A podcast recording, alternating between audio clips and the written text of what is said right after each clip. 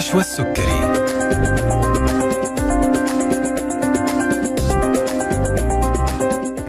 بسم الله الرحمن الرحيم. السلام عليكم ورحمة الله وبركاته. تحية طيبة لكم مستمعينا فيما كنتوا أهلا وسهلا فيكم. في حلقة جديدة من برنامجكم طبابة على ألف ألف أف أم الموجة السعودية. أحييكم وأرحب فيكم مستمعينا الأعزاء في برنامجكم طبابة اللي بيجيكم يوميا من الأحد إلى الخميس على الهواء مباشرة الساعة واحدة الظهر إلى الساعة اثنين بعد الظهر. يوميا معاكم لمدة ساعة نناقش فيها أبرز المستجدات في مجال الطب وبنستضيف نخبة من المتخصصين في المجالات الطبية المختلفة.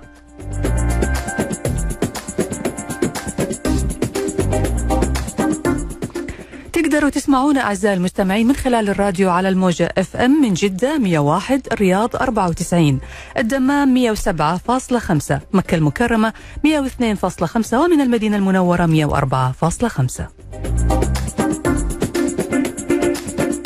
تقدروا كمان تسمعونا من خلال موقعنا على الإنترنت ألف ألف FM dot com أو من خلال تحميل تطبيق ألف ألف FM أيا كان نوع جهازك أندرويد أو iOS هتلاقي التطبيق موجود في ال store عندك. حمل التطبيق واسمعنا مباشرةً. تقدروا كمان تتواصلوا معنا من خلال جميع حساباتنا على ال social media فيسبوك تويتر إنستغرام واليوتيوب. وكمان تقدروا تتواصلوا معنا من خلال الاتصال المباشر على هاتف البرنامج 012 61 61 100 ورسائلكم على الواتس 055 66 89 01 جميع حلقات برنامجنا وبرامج إذاعتنا ألف ألف FM هتلاقوها موجودة في موقعنا على الإنترنت وكمان هتلاقوها موجودة في حسابنا على اليوتيوب ألف ألف أف أم. موضوعنا اليوم أعزائي المستمعين موضوع مهم لنا جميعا لأنه بيحدد كيف نتعامل مع الحياة. وكيف نتعامل في إنجاز المهام المختلفة؟ بيتكلم عن العقل أو الدماغ وعلاقته بالجسم. التفاعل بين العقل والجسم هو طريق له اتجاهين. تعرفوا أن العوامل النفسية بتؤدي لظهور مجموعة كبيرة جدا من الاضطرابات البدنية والمشاكل وعلى الجانب الآخر الأمراض الجسدية والأعراض الجسدية بتؤثر في تفكير الشخص وفي مزاجه وأيضا ممكن تنعكس على صحة عقله. فالأشخاص اللي بيعانوا من اضطرابات جسدية مهددة للحياة أو أمراض مزمنة بيصابوا باكتئاب عادة وهذا الاكتئاب بيؤدي إلى تفاقم تأثيرات المرض الجسدي ويزيد من حالة الشخص المرضية.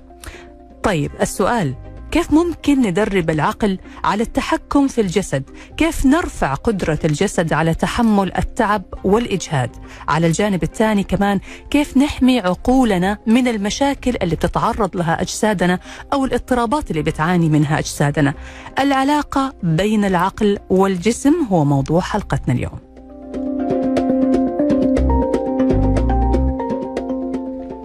ضيفة حلقتنا اليوم أعزائي المستمعين؟ هي الدكتورة دانيا طرابزوني متخصصة في علم الوراثة البشري العصبي والوظائف الحيوية للجينات في الدماغ وعلم ما فوق الجينات. حياك الله دكتورة دانيا وأهلا وسهلا فيك. يا أهلا يا نشوى مساء الخيرات جميعا عليكم إن شاء الله تكونوا بخير. الله يسعدك حياك الله واهلا وسهلا فيك. طبعا حضرتك متخصصة في علم المخ وفي علم الجينات وعلم ما فوق الجينات ودائما يعني بتعرفينا في كل حلقة. يعني إحنا يمكن سبق وتقابلنا معك في حلقات قبل كذا في برنامجنا طبابة إنه إحنا كيف نعمل توازن بين العقل وبين الجسد؟ وهذا هو موضوعنا الرئيسي في حلقتنا اليوم. بس في البداية حابين نعرف يعني إيش هي العلاقة بين العقل أو الدماغ زي ما أنت دائما تذكرينا وتقولي لنا والجسم؟ تمام. آه يعطيك العافية نشوى بس خليني بس كذا نعرج على حاجة بسيطة جدا. تفضل أنا دائما أحب أستخدم كلمة دماغ بدل عقل لأنه في فرق. نعم. إحنا بنتكلم عن الدماغ أنا بتكلم عن الدماغ اللي هو كعضو دماغ بشري عندنا في جسدنا أو نعم. في جسمنا. العقل اللي هو له علاقة اللي هو ناتج العمليات الحيوية اللي بتصير في الدماغ. فالعقل هو غالبا إحنا يعني نتكلم عنه من ناحية مختلفة اللي هو الإدراك والأشياء هذه. وهو غالبا يكون نتاج العمليات الحيوية والبيولوجية اللي بتصير في دماغنا بتؤدي إلى إلى إلى اللي هو يبدأ العقل اللي هي الأفكار والمعتقدات والأشياء هذه كلها. تمام تمام. فاليوم حنتكلم غالبا عن الدماغ. الدماغ مو العقل نتكلم عن علاقة الدماغ بالجسم. كده نظبطها. أيوة بالضبط. الدماغ بالجسم وحنتكلم إنه هم كيف كيف بيتواصلوا وكيف بيت بيتفاهموا مع بعض وكيف حلو. وكيف إنهم هم بيحاولوا آه، يوصلوا الرسائل لبعض آه، بصورة متناغمة منسجمة تمام. آه، بحيث إنه هو ممكن إنه يؤدي الوظيفة اللي إحنا يعني اللي هم انخلقوا فيها عشان يخدمونا إحنا كبشر أو كإنسان. تمام. طيب كيف يا دكتورة؟ كيف بيكون في يعني آه توازن أو كيف إيش هي العلاقة بين الدماغ وبين الجسم؟ طيب إحنا خلينا كده زي العادة نشوخ إيش رأيك كده نسأل أسئلة مفتوحة؟ عشان كمان اللي بيسمعونا بيستمعوا معانا كده نفكر ونتأمل في أسئلة مفتوحة. مهم. وزي ما دائما بنقول ممكن نلاقي إجابة ممكن ما نلاقي إجابة it's- يعني ما في مشكلة مهم. بس ان إحنا خلينا نفكر كيف يعني أنت قلتي كلمة ودائما تلفت نظري وهي كيف الدماغ يتحكم في الجسد في. الجسم هل إحنا محتاجين شيء يتحكم في شيء؟ هل إحنا مح- محتاجين الجسم يتحكم في الدماغ أو الدماغ يتحكم في الجسم أو أنا كإنسان أو كبشر أتحكم في دماغي؟ ولا هي يمكن ممكن نشوفها من زاوية تانية. هل هي ممكن تكون تواصل؟ هل هي ممكن تكون تفاهم؟ آه ممكن يكون تعامل. أكثر من أنها هي تحكم لأنه التحكم كده يعطي انطباع أنه في في في شيء سائد على شيء. شيء مسيطر على شيء. شيء مسيطر على شيء بالضبط. آه فيمكن نفكر فيها أنه كيف أول شيء نبدأ فيها أنا. تمام. كروح. أو كإنسان أو كبشر أو كدانية.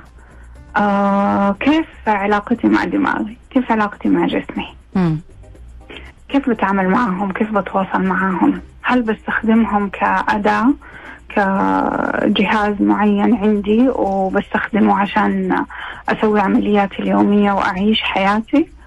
آه ولا هو أشوفه إنه هو جزء مني؟ أشوف. دماغي جسمي جزء, جزء مني آه مرتبط بروحي. وإنها هي كمان يعني يمكن الكلمة دي كثير تتكرر بس عن جد عن جد نفسي الناس تفكر فيها من منطلق مختلف. هم يمكن نعمة عندي. أنا كيف بحافظ عليها؟ كيف بهتم فيها؟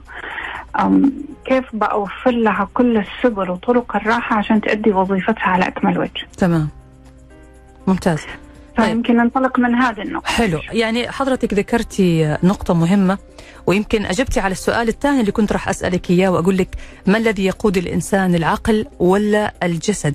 يعني إحنا اللي بيتحكم فينا عقلنا ولا اللي بيتحكم فينا أو في تصرفاتنا أو في سلوكياتنا هو جسدنا؟ ولا هو الاثنين مع بعض في بينهم علاقة متوازنة مترابطة؟ هم الاثنين اللي بيحددوا إحنا لفين رايحين وإيش بنسوي في حياتنا. والله أنا دائما دائما أميل لفكرة دائما أميل لفكرة التوازن والتناغم. والانسجام بين الروح والدماغ والجسم. تمام. طيب عملية التوازن هذه كيف نحققها؟ يعني خليني أعطيكي مثال دكتورة دانيا بعض الأحيان آه، ممكن نأدي عمل معين وإحنا في كامل طاقتنا والعمل هذا يكون عمل مجهد ما هو بسيط. وفي أوقات ثانية أنا نفس الشخص ما عندي مشاكل صحية أنا بطبيعتي حاسس أنه أنا إنسان طبيعي ما عندي شيء وأجي أأدي نفس العمل هذا بس أحس بإجهاد أنا ماني قادر أنا ماني قادر أنجز ماني قادر أشتغل. رغم أنه أنا صحتي يعني من الناحية البيولوجية أنا صحتي كويسة ما عندي مشاكل صحية جسدي لا يعاني من مشاكل صحية. هنا إيش الفرق؟ هل العقل هو اللي بيسيطر علي؟ أو هل العقل هو اللي بيخليني أتعامل بهذا الشكل أو أشعر بهذا الشعور؟ قصدك هل الدماغ؟ أو الدماغ. خلينا صح السؤال أيوة، خلينا نصحح خلاص هكتب السؤال جدا عميق نشوة زي عادتك. ويتاخذ من من من من أبعاد كثير بس. طب وممكن تكون له أسباب وخلينا زي ما قلت نقول في أشياء معينة وما نقدر إحنا نشخص حالة واحدة ولا نقول إنه شيء واحد ولا إحنا يعني زي ما أنت عارفة إحنا بشر ظروفنا الحياتية مختلفة أفكارنا مختلفة معتقداتنا مختلفة بس. ممكن يكون جزء منها. يكون التواصل بين دماغي وجسدي ما يكون بالصورة اللي هي متناسبة أو صحيحة بحيث إنه هو ممكن يخليني أقوم أسوي الشغلة. مم. ممكن يكون عندي معتقد معين ممكن يكون عندي إيمان معين بحاجة معينة ممكن عندي مقاومة إني أنا أسوي الشيء هذا لأنه عندي فكرة معينة وعدم إيمان فيه. هذه كمان لها دور. كمان الروح نشوى أنا أؤمن دائما الروح. أنا بالنسبة لي الروح هي اللي هي اللي بي بتوجه الدماغ والجسد والجسم مع بعض. تمام أنت أحيانا لما تكوني بتسوي حاجة حتى لو هي مرة صعبة أو مرة معقدة أو مرة تاخذ وقت ومجهود بس مثلا أنت تحبيها أو عندك شغف لها أو عندك رغبة فيها تمام أنت حتلاقي نفسك بتسويها بكل خفة وبكل راحة وبكل محبة أنت صحيح. في ناس معينين أحيانا وأتوقع ناس كثير عايشين المرحلة هذه. مثلا إنك أنت لما تحبي شخص ويطلب منك حاجة تسويها بكل سهولة حتى ما تحسي بالتعب. حتحسي إنه التعب ممتع بالنسبة لك. صحيح. في حتى مقولة تقول اعمل ما تحب ولا تحب ما تعمل رغم أنه الإنسان في بعض الأحيان مضطر أنه يحب ما يعمل لأنه ممكن صحيح. ما يكون متاح غيره. وهذا ممكن وممكن الإنسان يلاقي شيء في اللي هو هذه تعتمد على إنه هو كي إيش الأفكار اللي بيزرعها في دماغه وإيش اللي بيكررها دائما بحيث إنها تبدأ تصير معتقد وبلي و... وإيمان مهم. أو معتقد أو قيمة معينة تبدأ تتحول لسلوك. جميل. هكمل. أيوه. هكمل معك آه، دكتورة دانيا وعذرا للمقاطعة بس لازم نطلع الآن فاصل قصير. نرجع بعد ونكمل حوارنا. ومعانا الدكتورة دانيا طربزوني متخصصة علم الوراثة البشري العصبي والوظائف الحيوية للجينات. حلقتنا اليوم عن العلاقة بين الدماغ والجسم. لازلنا نستقبل أسئلتكم على واتس البرنامج 055 66 89 صفرين واحد وفاصل. وراجعين.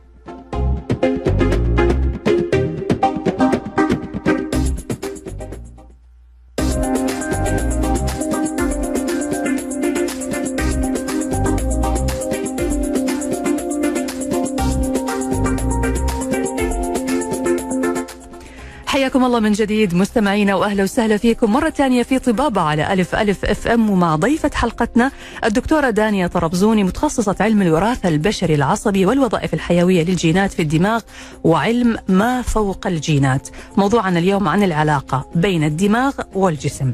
أحييك دكتورة دانيا مرة ثانية وأهلا وسهلا فيك. أهلا وسهلا فيك نشوى أهلين. طيب دكتور إحنا كنا قبل الفاصل بنتكلم عن إنه كيف نحقق التوازن وكيف إنه أحيانا الإنسان آه لابد إنه يشتغل في أو يعمل الشيء اللي هو يحبه. آه حتى لو ما كان هذا الشيء يحبه يعني آه، آه، أحد الزملاء هنا قال لي ال- المقولة هذه أو العبارة هذه هو سمعها بشكل مختلف.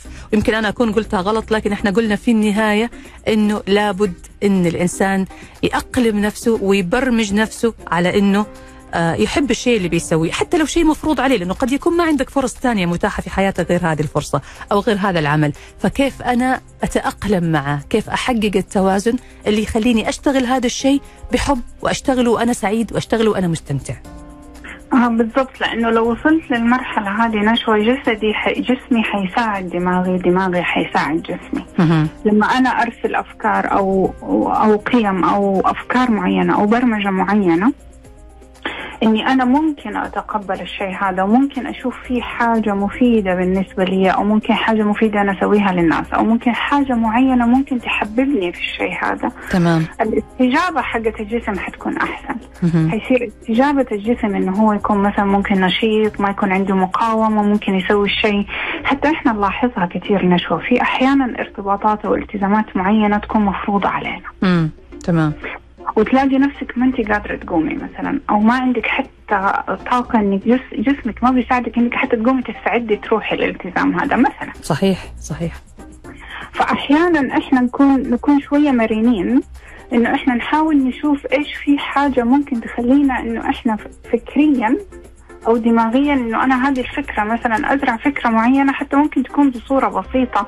إنه طيب أنا لو رحت ممكن مثلا إني أنا ححس بكذا ممكن في حاجة معينة آه، جميلة في الشيء هذا. طب ممكن هي تكون عشان مثلا جاء يعني أكون مع أحد ثاني مثلا معين يحتاج أحد معاه فأنا بسوي حاجة إني أنا بدعم أحد معين.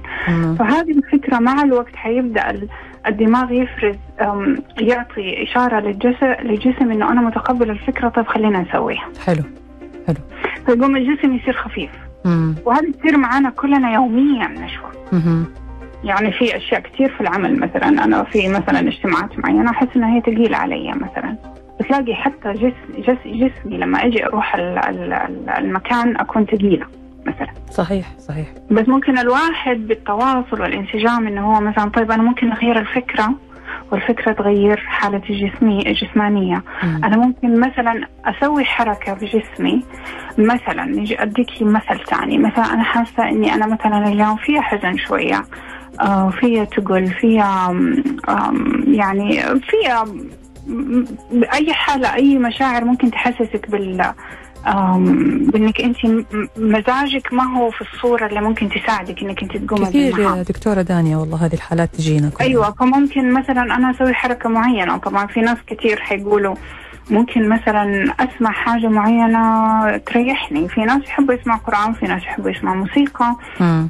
ممكن أخرج أمشي شوية مثلا أحرك جسمي أغير كيمياء الجسم ممكن تكون سبعة ثمانية دقائق صدقيني. إني أنا مثلا أنزل الدرج وأطلع. ممكن أمشي أتمشى كذا بس بطريقة معينة أروح أه- يعني مثلا أمشي أسوي حركة معينة فيزيائية في جسمي بحيث إنها هي تغير كيمياء الجسم. يقوم الجسم إيش يبدأ؟ يرسل يرسل إشارة للدماغ وانت قلتي إنها هي علاقة ثنائية. صحيح. ممكن يرسل رسالة للدماغ يقول له يعني أنا كويس أنا ممكن أسوي شيء معين أنا أنشط من أول أنا حاسس أحسن من مهم. فهي هذه تيجي بتدريج وبلطف. عشان كذا أنا دائما أقول هل إحنا بنتعامل معاهم؟ هل إحنا بنحاول ننسجم معاهم؟ هل إحنا بنحاول نتواصل ونتفاهم معاهم مع الدماغ والجسم؟ ولا إحنا بس بنحاول إن إحنا نسويها كأننا في في في فرض أو إلزام أو التزام بحاجة وإحنا حتى ما إحنا حاطين روحنا أو أفكارنا أو مشاعرنا فيها. تمام دكتورة. هذا هيخلينا نسأل كيف الجسم بيتأثر بالإجهاد العقلي والتوتر النفسي؟ يعني آه الدماغ طول الوقت شغال ويمكن دماغ المرأة معروف أنه طريقة تفكير دماغ المرأة أو عقل المرأة تختلف عن الرجل. يعني يقولوا دائما المرأة تفكر في مليون حاجة في نفس اللحظة لكن الرجل طريقة تفكيره تختلف. الرجل تلاقيه عنده هدف واحد عنده مهمة واحدة العقل عنده متبرمج على أنه ينفذ حاجة واحدة في نفس الوقت. المرأة لا المرأة تلاقيها مثلا موظفة وتلاقيها بتفكر في البيت إيش هتسوي وتلاقي عندها أشياء كثيرة في نفس اللحظة تقدر تفكر فيها. هذه يعني فطرة سبحان الله وهذا يعني طبيعة خلق الله. فهنا لما ال- العقل يجهد ويصير الإنسان بيتعرض دائما للتوتر النفسي إيش الطريقة اللي ممكن يستخدمها الدماغ عشان يتعامل مع هذا الشيء؟ وبالتالي ما تنعكس على صحتي الجسدية. طيب انت دحين سالت ثلاث أسئلة. والله ما يعني يمكن. ناخذها ناخذها جزء جزء. ناخذها حبة حبة. أيوة. ناخذها فكرة فكرة آه، خليني أقول لك معلومة جدا جميلة والكل حينبسط عليها. يلا قولي. آم، بالنسبة لحكاية المرأة والرجل أو طريقة عمل دماغ المرأة والرجل بيولوجيا إيه. زي ما أنت قلتي هذه فطرة. المرأة تفكر بصورة آه، شبكية. متشعبة أيوه. network صورة مم. متشعبة. الرجل يفكر في صورة اللي هي يسموها هم عشان يضربها للناس صورة ال boxes أو العلب إنه كل حاجة في واحدة. مم. ولكن هذا سائد عند ناس معينين ولكن في رجال كثير يقدروا يطوروا فكرة إنهم هم يسووا كذا حاجة في وقت واحد. وهذا شيء طبيعي. بالنسبة للمرأة إنها هي بتفكر في صورة متشعبة هذا ما يتعبها ولا يرهقها لأن هذا طبيعة طبيعة عمل ال- ال- الدماغ عندها فهذا شيء طبيعي. مم. تمام. فهو بالعكس ما يرهقها بالعكس يعني لما النساء يقولوا أوه إحنا كذا كذا إحنا بنفكر كثير لا لا أنت خذيها بصورة مختلفة خذيها إنك أنت عندك مقدرة إنك أنت تفكري في كذا حاجة في وقت واحد. حلو. وهذا طبيعي وينشط الدماغ ودماغنا ما اشتكى يعني ترى مبسوط. بس ما يشتتها. كان نشيط يعني عفواً. يعني ما يشتتها هذا الشيء يا دكتور يعني تلاقينا مثلا بنفكر تلاقيني يعني الحين جالسة معاكي في في البرنامج قاعدة أفكر في العقل وفي الجسم ودماغي شغال إيش حطبخ اليوم لما أرجع البيت؟ اليوم لازم أمر السوبر طول ماركت ما انت طول ما أنت بتسويها بصورة تلقائية وطبيعية بالعكس هذا يعني أنت بتخلي ال- ال- أج- أجزاء كثيرة في الدماغ نشطة متحفزه كلها متحفزه أيوه. حلو. فأنت ما عندك مشكلة بالعكس هذا شيء طبيعي. تمام. إحنا أحيانا نحط نفسنا ونقيد نفسنا يا نشوى بأفكار وبرمجة معينة ونصدقها. مم. لا الرجال ما يقدر يسوي كذا ما يقدر يفكر غير في شيء واحد. أيوه صح في جزء منها اجتماعي وبرمجة اجتماعية ووعي جمعي والرجل مثلا أحيانا يكون مرهق بس هي ما هي شرط. فكلنا ممكن ندرب دماغنا إنه هو يفكر بطرق مختلفة بصورة جدا يعني تاخذ وقت بس انها بصورة متدرجة. تمام. هذه هذه هذه آم، الرجل والمرأة إنه هو في الأخير يعني آه، ممكن بس ممكن كثير نفكر فيها بصور مختلفة وبتكون ما تكون مرهقة وتكون ما هي مشتتة. تمام. الناس اللي تشتت نفسها يكونوا نفسيا عندهم أخذين اعباء نفسية أكثر من اللي يقدروا عليه.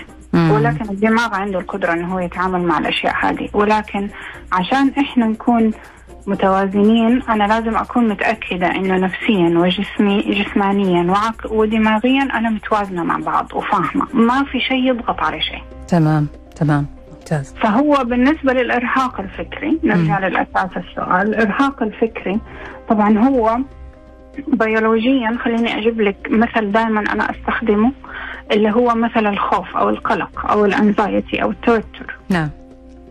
اللي هو الناس يقولوا لك أنا بفكر كثير بقى الأفكار هذه بتتكرر تتكرر تتكرر تبدأ تسبب لهم قلق يبدأوا يحسوا أنهم هم متوترين ضربات القلب عالية ضغط دم عالي آه، تنفس عندهم يصير سريع وقصير.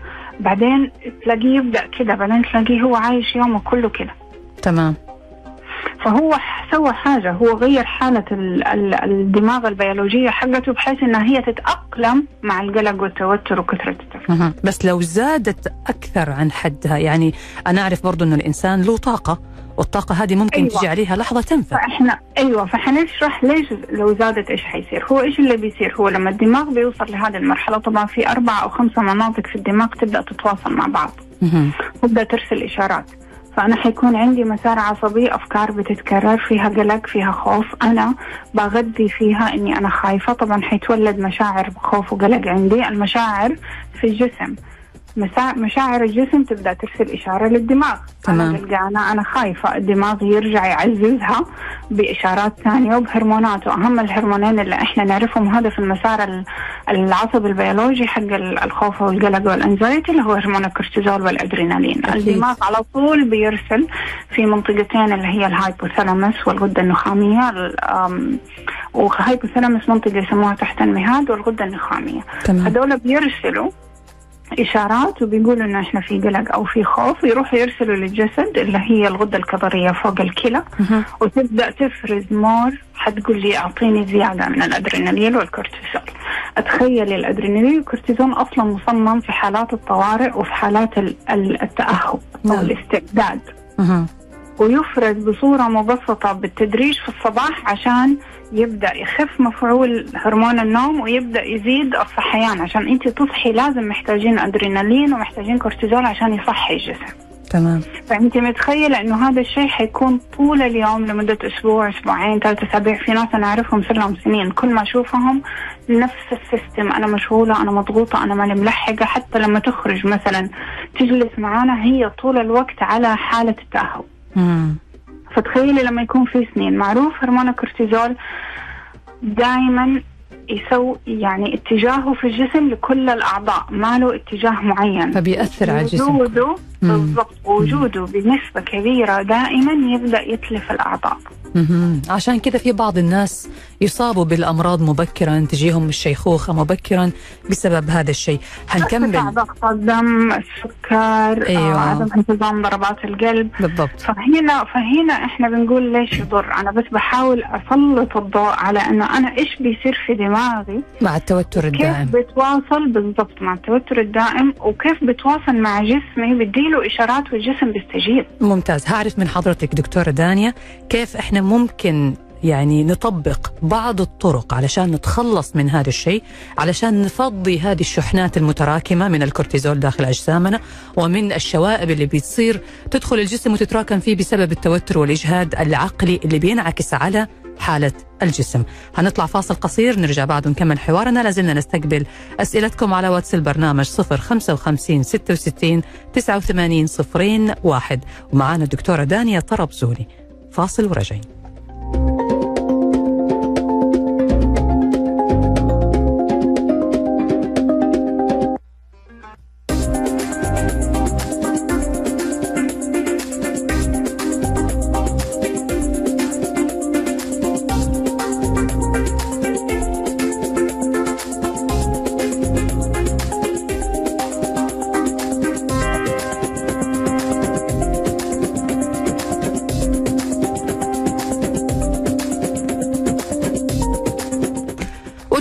لكم مرة ثانية مستمعينا وأهلا وسهلا فيكم في برنامجكم طبابة على ألف ألف أف أم ومع ضيفتنا الدكتورة دانيا طرابزوني متخصصة علم الوراثة البشري العصبي والوظائف الحيوية للجينات في الدماغ وعلم ما فوق الجينات.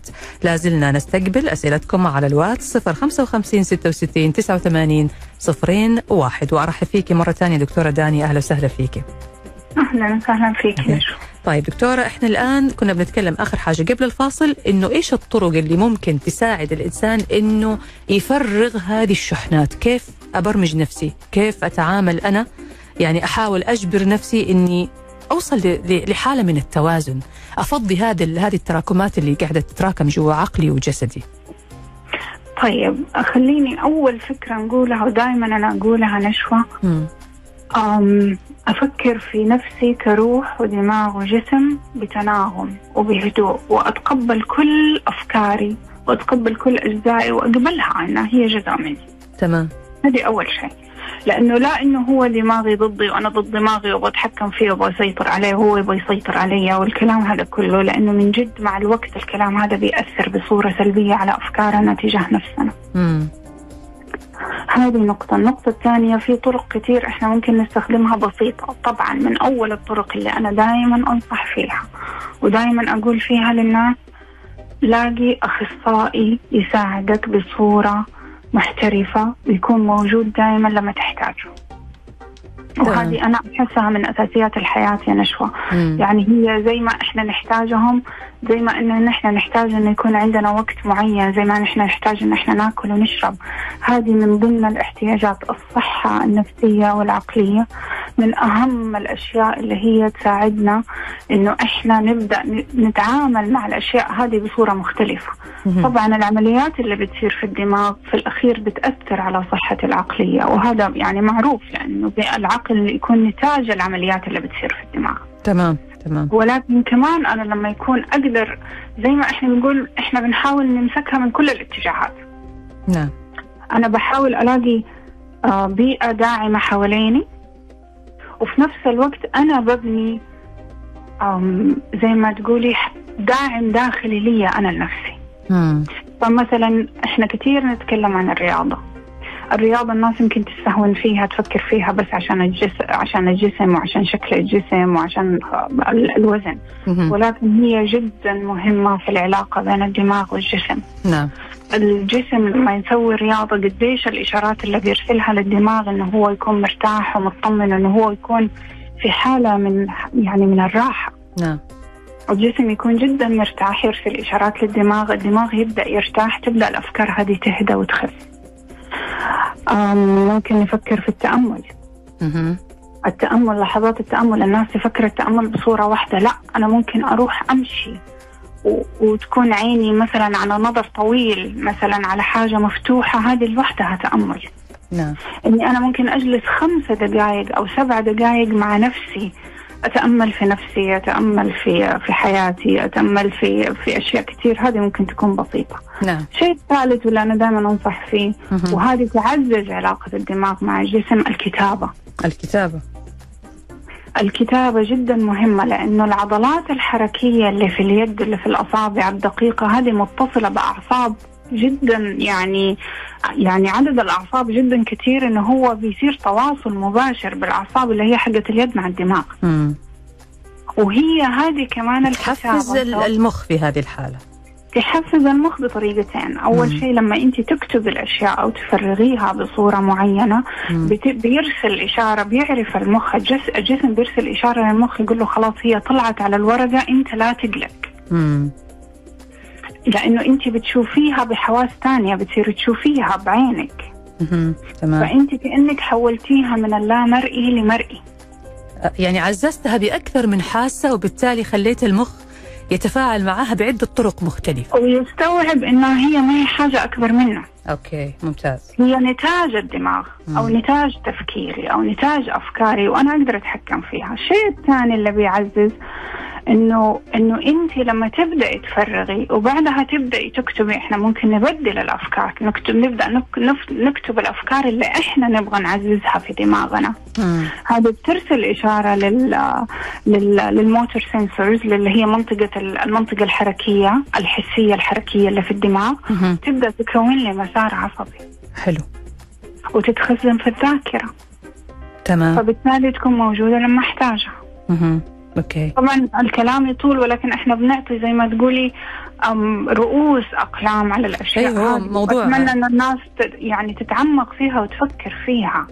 طيب. أم، خليني أقول لك مثل معين. نشوى لأن إحنا تكلمنا في الرغبة بس ما لحقنا نغطي النقطة هذه لما إيه، قلت لي تفضلي. أنا ممكن أسوي الأشياء بكل حماس وما مم. خلينا ناخذ example أو مثل. نعم. ال Para Olympic.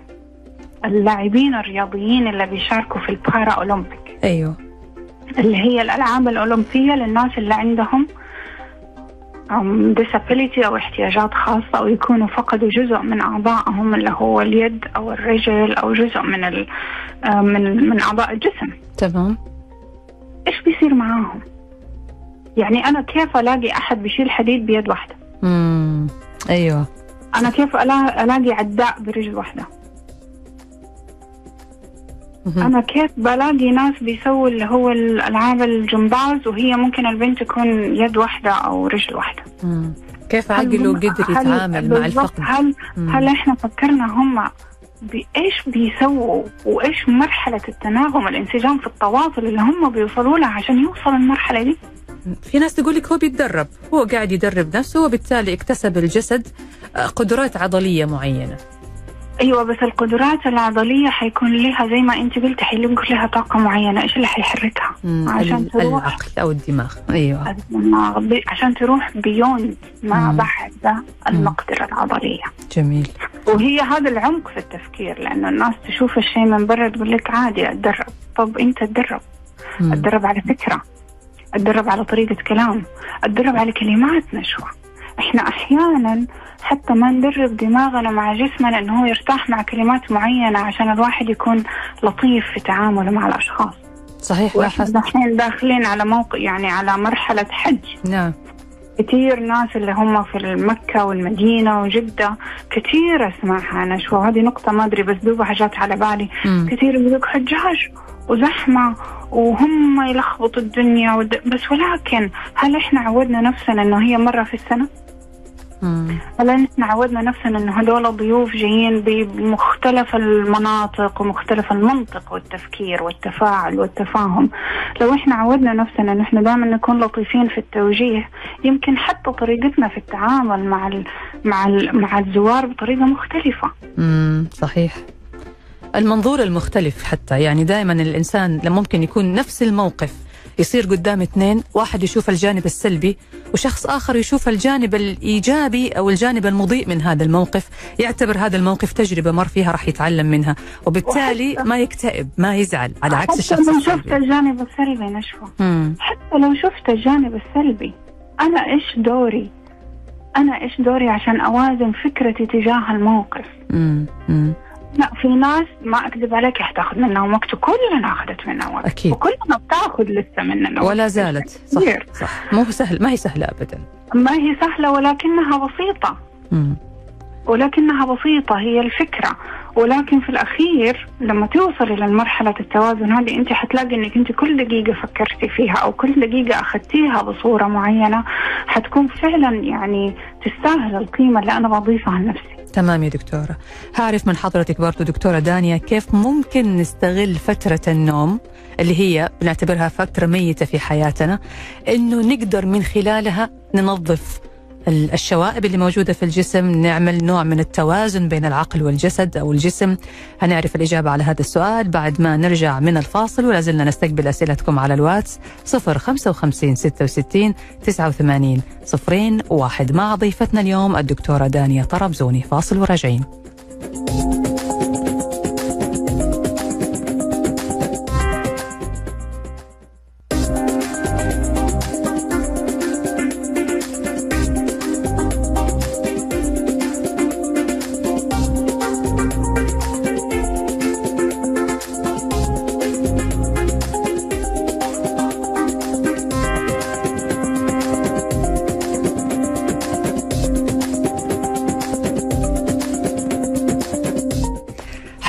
جديد مستمعينا الأعزاء وأهلا وسهلا فيكم مرة ثانية في طبابة على ألف ألف أف أم مع ضيفتنا الدكتورة دانيا طربزوني متخصصة علم الوراثة البشري العصبي والوظائف الحيوية للجينات في الدماغ وعلم ما فوق الجينات وإحنا الآن وصلنا إلى الجزء الأخير من حلقتنا. لازلنا نستقبل أسئلتكم على الواتس 055 66 89 صفرين واحد. دكتورة دانيا أرحب فيكي مرة ثانية في الجزء الأخير من البرنامج. يا أهلا وسهلا ما شاء الله عدى الوقت. إي والله عدى ما لحقنا. كنا حاطين محاور كثيرة نتكلم فيها اليوم بس ما لحقنا. طيب خلينا دكتورة في الجزء الأخير الآن علشان نقفل الموضوع. إحنا عرفنا الآن إنه لازم الإنسان يتعامل مع عقله أو مع دماغه ومع جسمه بطريقة فيها نوع من التوازن. يعني الفكرة إحنا سببها وإحنا اللي بنخلي عقلنا أو دماغنا يتفاعل مع جسمنا بالطريقة اللي إحنا شايفينها. الإنسان يد يعني حله في يده. فخلينا الآن تعطينا شوية طرق قبل ما ناخذ إحنا أنت أعطيتينا بعض الطرق خلاص بس أبغى أعرف كيف من خلال النوم أثناء النوم كيف أقدر أستفيد من هذه الفترة في إني أنظف آه عقلي من الطاقات والإجهاد والتوتر النفسي. تمام. طبعا هو نرجع لموضوع النوم. النوم طبعا من أهم الطرق اللي أنا دائما أنادي فيها إن أنا أقول خلي يكون عندكم روتين نوم. حاولوا تاخذوا كفاية عدد ساعات كفاية في النوم وقت الليل. لما ما يكون في شمس نعم. آه طبعا النوم يعني خلينا نقول هو مو بس للجسم. يعني هذه الطريقة تعتبر أو ال ال ال أداة النوم حتعتبر اللي هي للدماغ وللجسم في نفس الوقت. نعم. لأنه بيصير فيها عمليات. طبعا إحنا نتوقع إنه إحنا ننام والجسم ينام. هو فعلا الجسم كعضلات و... وأعصاب وأوردة وكذا ينام. ولكن الدماغ شغال 24 ساعة ما ينام. مم. بس هو إيش اللي يصير عنده؟ يصير عنده شفتات مختلفة الدماغ عنده وظائف معينة بيسويها في النهار. مم. وعنده وظائف معينة بيسويها في الليل. تمام. وظائف الليل هذه هي تكون مخصوص عشان الدماغ إيش يقولوا لك؟ يسوي صيانة ليلية لخلايا الدماغ. اللي, هي البواقي اللي هي تب- تبقى في الدماغ من العمليات الحيوية اللي تصير طول اليوم بالإضافة طبعا للي هو برضو يسوي عملية تنظيف أو غسل للأجهزة وللأعضاء الداخلية دا- داخلنا. تمام. اللي هي أصلا لها علاقة بأن إحنا كيف ممكن نصحى بحالة صحية جس جس جسمانية جيدة وبحالة مزاجية جيدة لأنه أنا لما تكون كل الأعضاء سلها الصيانة الليلية اللي تحتاجها وبدأت مستوى هرمونات الك... ال- ال- مستوى الهرمونات المعينة اتظبطت ورجعت للصفر.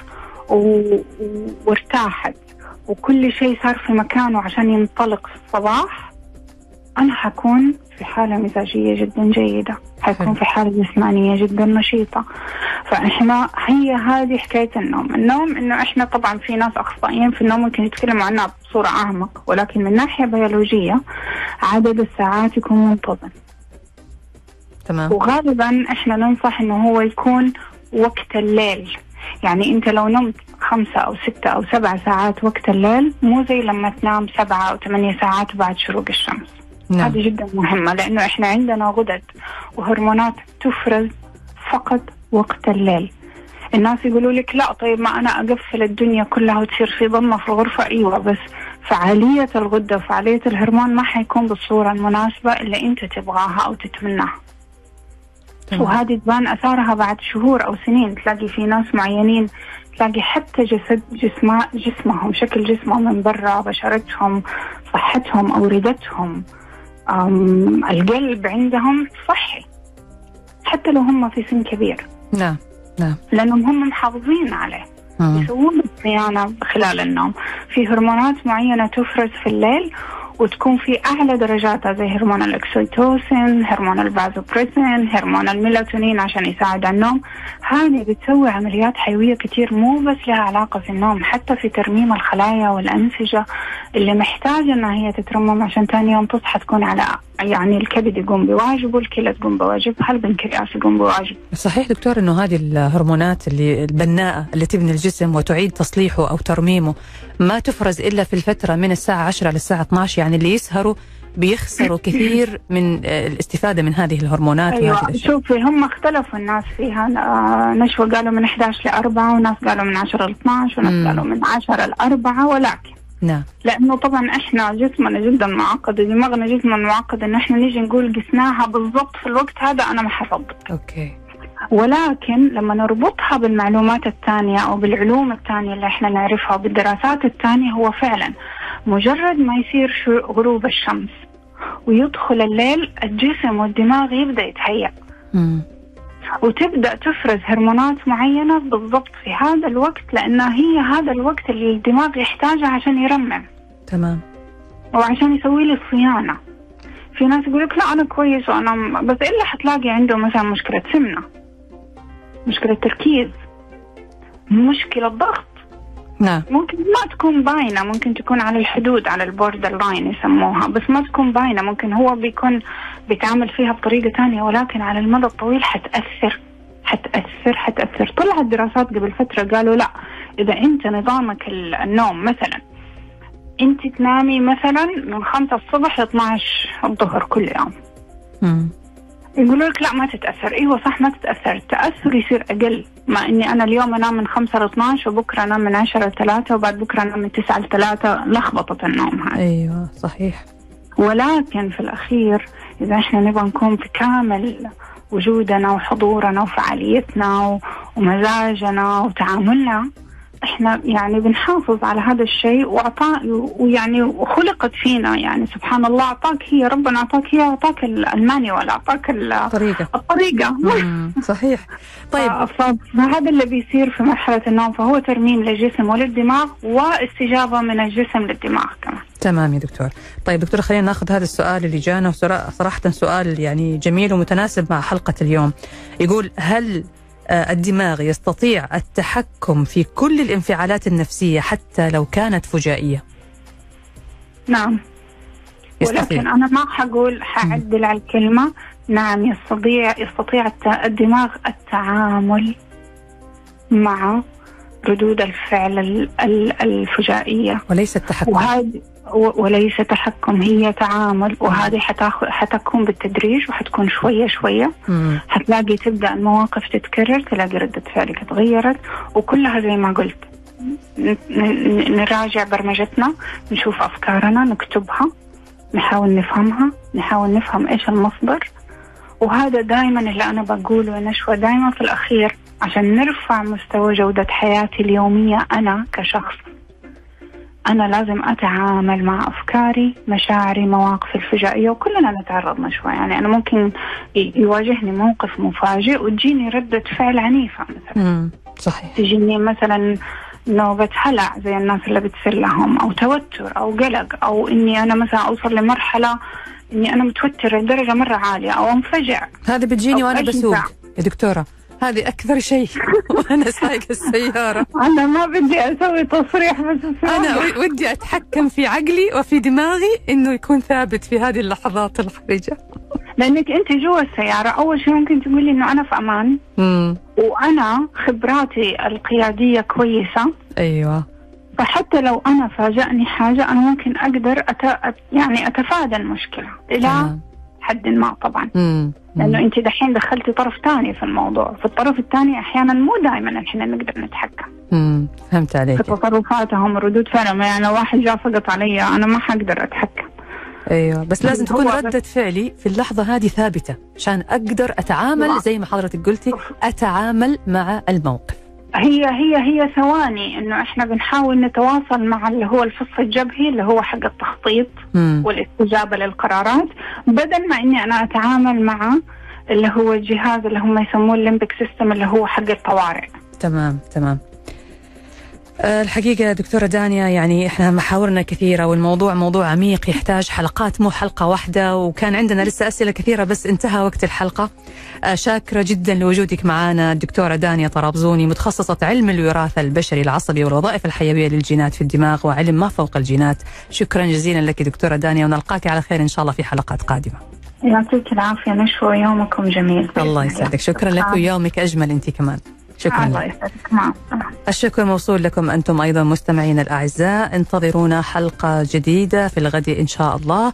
قبل ما نختم حلقتنا حاب أقول لك عزيزي المستمع أيا كان مكانك اللي تسمعني منه الآن وأيا كان الوضع اللي أنت فيه وأيا كانت خسارتك في الحياة. خسرت مال خسرت وظيفة خسرت أشخاص خسرت فرصة عمل أيا كانت الخسارة. تذكر أنك قادر بإذن الله تعالى.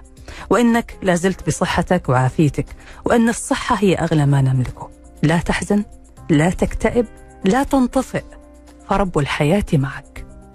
هذه رسالة لك إذا كنت تسمعني الآن أيا كان وأيا كنت في أي مكان. شكرا لكم أعزائي المستمعين. انتظروا الآن برنامج مؤشرات مع الزميل عبد الله بحمشان تقبلوا تحياتي من خلف المايك أنا نشوى السكري ومخرج هذه الحلقة خالد القايدي في حفظ الله ورعايته.